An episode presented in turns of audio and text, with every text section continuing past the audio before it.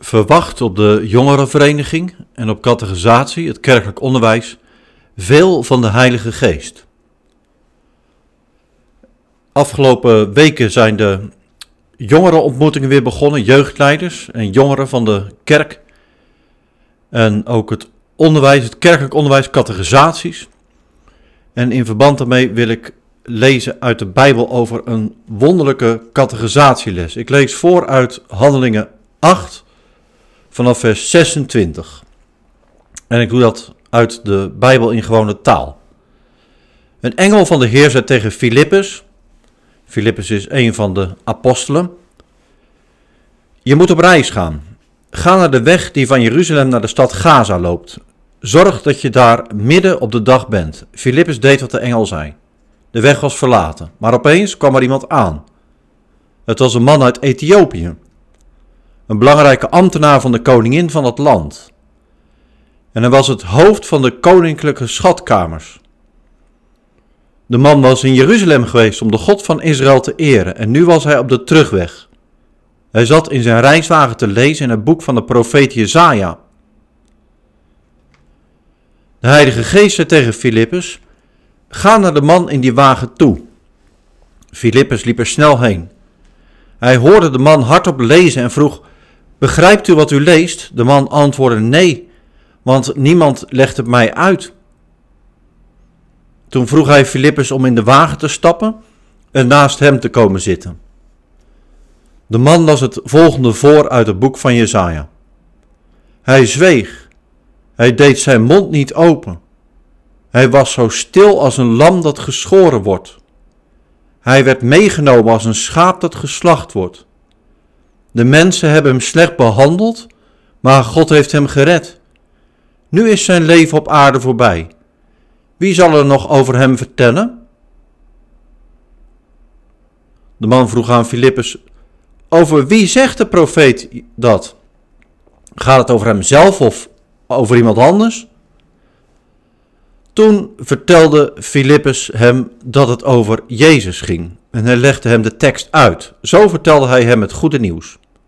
Onderweg kwamen ze bij een plaats waar water was. De man zei tegen Filippus: Kijk, ik zie water, mag ik gedoopt worden?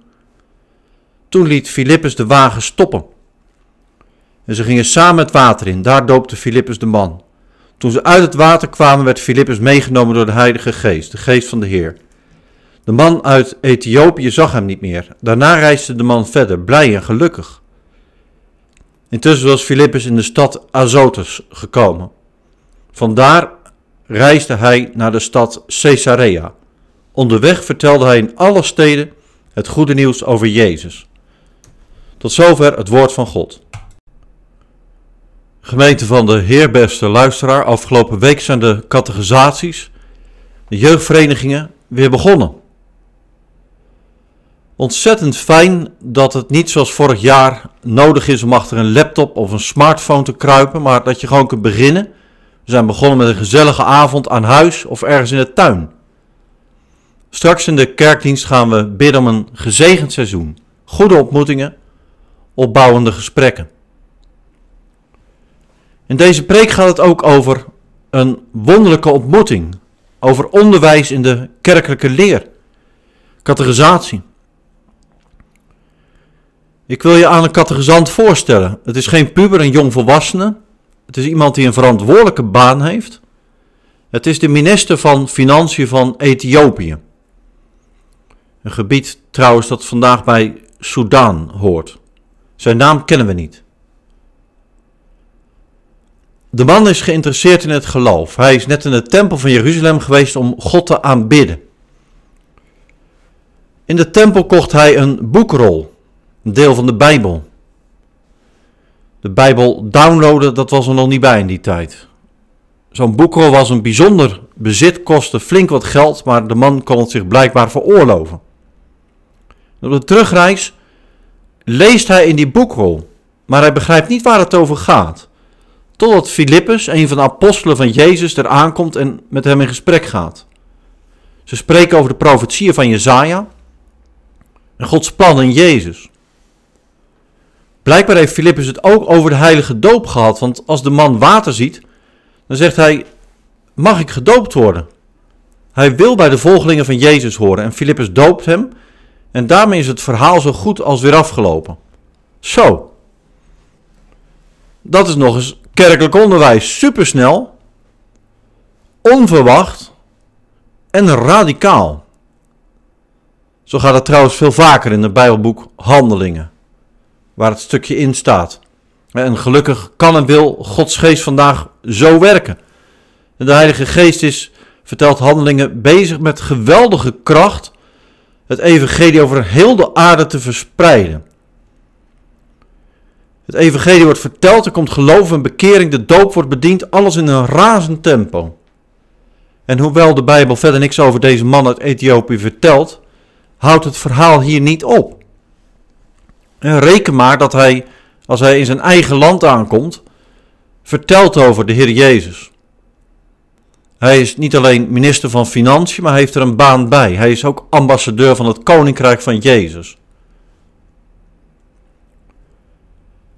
Aan het begin van de jeugdverenigingen, het categorisatieseizoen, wil ik starten met deze man uit Ethiopië. Wat een bijzonder verhaal. En wat betekent dit nou voor ons, voor jou en voor mij? Voor vereniging, voor categorisatie. Ik noem drie dingen. In de eerste plaats dat God je kent. En hoe kom ik erbij? Nou, hierbij. Het verhaal begint niet bij die man uit Ethiopië of met de apostel Filippus. Het verhaal begint met de Heilige Geest. Hij stuurt een engel naar Filippus en die zegt: Jij moet daar en daar naartoe. Zie je dat? God kent die Ethiopische man en wil hem, wil hem iets geven. Hij weet van zijn interesse. En God wil hem het mooiste cadeau geven dat er is: het kennen van Jezus. En daarbij moet Filippus een handje helpen. Kijk, jij en ik, wij kunnen God niet zien, maar hij ziet jou en mij wel. En dat laat hij ook merken. Luister goed naar dit verhaal. In de tijd dat dit gebeurde, moet de doop van de man uit Ethiopië voor de gelovige Joden die Jezus leerden kennen, echt een schok zijn geweest. Want deze man hoort niet bij Gods volk. Maar het evangelie is voor ieder die gelooft. Ieder die gelooft in Jezus. Even verderop, handelingen 10, maakt God dat duidelijk. Misschien ken je dat verhaal wel, dat wonderlijke visioen van Petrus. Dan ziet hij die reine en onreine dieren. En dan zegt een stem, eet. Kan allemaal niet natuurlijk, want dat mocht niet onreine dieren. Maar Petrus wordt duidelijk gemaakt dat ook de niet-Joden het evangelie kunnen en mogen ontvangen. En dan moet Petrus op bezoek bij een Romeinse legeroverste. Die hoort net als die man uit Ethiopië niet bij Gods volk. En het duurt echt even voordat het kwartje valt. Maar Petrus doopt de man, net zoals Filippus hier deze Ethiopische man doopt. En als wij het vandaag lezen, dit verhaal, denk je wat vreemd. Een Afrikaanse minister, een catechizant, zie je hem al voor bij jou in de groep. Een catechizant is toch 12 jaar of 15 of, of 20 misschien, maar zo'n man. Nou weet je, dit verhaal maakt duidelijk dat Jezus anders kijkt. Ja, de Heer werkt door opvoeding en door categorisatie. Vaak gaat dat zo. Maar net zo goed kan het zijn dat iemand op latere leeftijd de Heer leert kennen en wordt gedoopt. En bedenk dat de Heer ook jouw vriend of jouw vriendin van sport of school op het oog heeft. Of die buurjongen van jou die je elke dag ziet. Dit stukje uit de Bijbel leert je hoe Jezus kijkt en werkt. Hij kijkt niet naar leeftijden, huidskleur, cultuur of taal, kerkelijk opgevoed ja of nee. De Heer kent mensen. Alle mensen. Hij kent jou. Hij kent je hart. Hij weet van je geloof. Je vragen, je twijfels, waar je mee zit. Hij kent iedereen. En Jezus nodigt ieder mens uit hem te leren kennen. En daarvoor stuurt hij allerlei mensen op jouw pad. Nou, dat is het eerste wat we volgens mij kunnen leren. Het tweede is over de Bijbel, wat voor een boek dat is. Want die man uit Ethiopië die leest uit de Bijbel, het Bijbelboek Jezaja, maar hij snapt niet wat de profeet bedoelt. Nou, ik denk dat is een ervaring, die snappen jij en ik ook heel goed. Als je categorisatie hebt, dan zul je elke avond wel uit de Bijbel lezen. En gelukkig, er zijn allemaal vertalingen die ervoor zorgen dat je kunt begrijpen wat er staat. er komt binnenkort de nieuwe Bijbelvertaling 21 uit. Je hebt de Bijbel in gewone taal. En toch, de Bijbel is niet een makkelijk boek. Net als die man uit Ethiopië zul jij wel eens denken, wat staat hier nou en wat betekent dat? Dan merk je niet alleen op categorisatie. Als je bijbelstudie doet, volwassenen, dat kunnen veertigers zijn, dat kunnen ook mensen van 70 of 80 zijn. Dan kun je soms een hele avond over een paar versen uit de Bijbel spreken. En als ik een preek maak, moet ik eerst studeren en bidden. Je zou de Bijbel kunnen vergelijken met een schat. En soms zie je een schat gelijk, maar meestal liggen schatten verstopt en moet je zoeken. In de kerkdienst zullen we kijken naar een filmpje waarin het gaat over de Bijbel en wat voor een boek dat is. Een mooi filmpje. Je kunt het opzoeken op internet. Het is van uh, Denkstof. EO Denkstof en het heet een stoomcursus Bijbel. Het is Denkstof nummer 43. Rico Voorberg legt daar iets uit over de Bijbel, dat het een bibliotheek is. Allemaal verschillende boeken eigenlijk, die legt hij zo neer op de grond. Het zijn 66 verschillende boeken over Gods bedoeling dat hij bekend wil worden door zijn volk Israël, als schepper, als verlosser. Nou, dat moet je eens realiseren. Als jij de Bijbel op een app hebt of gewoon als boek met één kaft, maar het is eigenlijk een hele bibliotheek, 66 boeken. Van Genesis tot en met Openbaring. Allemaal verschillende manieren waarop God je uitnodigt. Dat God de geweldige schepper laat zien dat hij in Jezus mens is geworden om je te redden. De boeken die wij vandaag de Bijbel noemen, Oude en Nieuwe Testament, vertellen dat verhaal van Jezus. En dat, die vertellen dat verhaal aan die man uit Ethiopië, aan jou en aan mij. Nou, als we elkaar ontmoeten op jeugdvereniging categorisatie, dan gaat het over Jezus. En uh, jij kunt vragen hebben, en dat zal zo zijn. En dat kan bijvoorbeeld over de Bijbel gaan, maar ook over dingen thuis of in de kerk, waarom de dingen zo zijn of wat je daarvan vindt. En dat is echt heel belangrijk en ook nodig om daarover met elkaar te spreken. Als je blijft luisteren naar de Bijbel, en de Heer om wijsheid bidt, dan zul je merken dat je Hem beter leert kennen. Ik zeg niet, dan zul je alles gaan begrijpen. Nee, de Heer Jezus Christus is God en Hij is eindeloos groter dan jij en ik samen. En er staan genoeg dingen in de Bijbel die wonderlijk zijn, heel wonderlijk, te wonderlijk soms. Maar de liefde van de Heer kennen, om Hem te volgen, dat cadeau wil en zal de Geest jou zeker geven. Nou, dat is het tweede wat je van dit verhaal kunt lezen. Het bijzondere van de Bijbel, het vertelt over Jezus. Dan nog één ding, dat je oog moet hebben voor het onverwachte. Want er is iets opvallends in dit stukje uit de Bijbel. En dat valt je niet gelijk op als je de nieuwe Bijbelvertaling of de Bijbel in gewone taal hebt. Maar de Statenvertaling heeft ook vers 37. En daarin staat, nadat de man uit Ethiopië vraagt of Filippus hem wil dopen, dan staat er, indien gij van ganser harte gelooft, zo is het geoorloofd. En hij antwoordende, zeide, ik geloof dat Jezus Christus de Zoon van God is. Een opvallend deel, want dat staat alleen in de Statenvertaling dat Filippus zegt van nou, je moet van harte geloven. En dat de man uit Ethiopië eigenlijk een korte geloofsbelijdenis aflegt. Het meest aannemelijke is dat dit vers aan het oorspronkelijke verhaal is toegevoegd. En al vrij snel.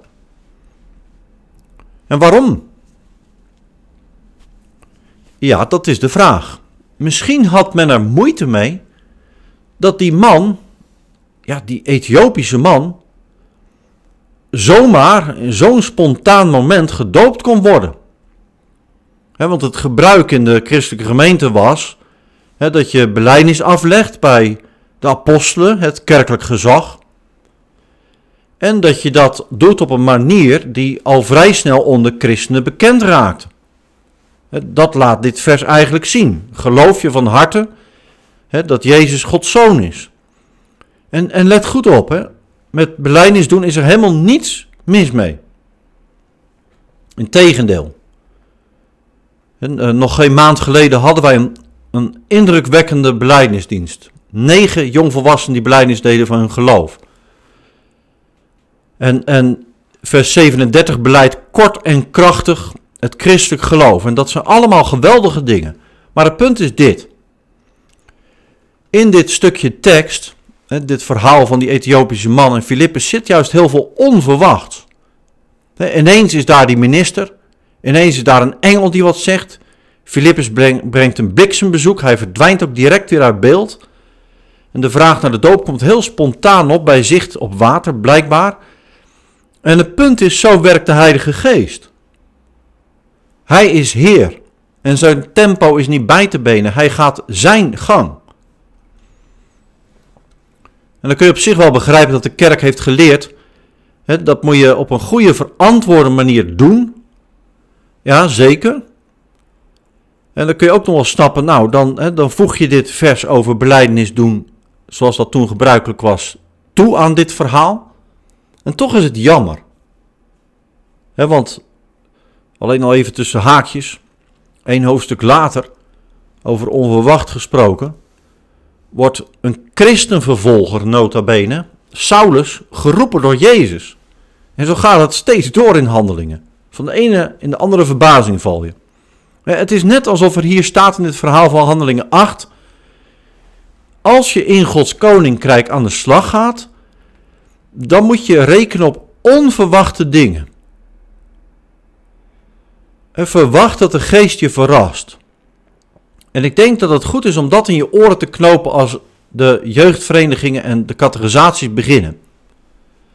Want gaat het niet heel vaak zo? En natuurlijk, je moet dingen ordenen en, en een tijd afspreken en, en een boek afspreken van onderwerp, maar het onverwachte. Ineens maakt iemand een opmerking en dan luister je allemaal. Of dat ene juist ongeplande, spontane gesprek, daaraan denk je later nog eens terug. Of een opmerking die wordt gemaakt en iedereen voelt op dat moment dit is waar. Nou, om die onverwachte dingen van de geest bidden we. Zo werkt de geest. Gemeente, jongeren, laten we bidden om en uitzien naar een mooi en gezegend jaar. Amen.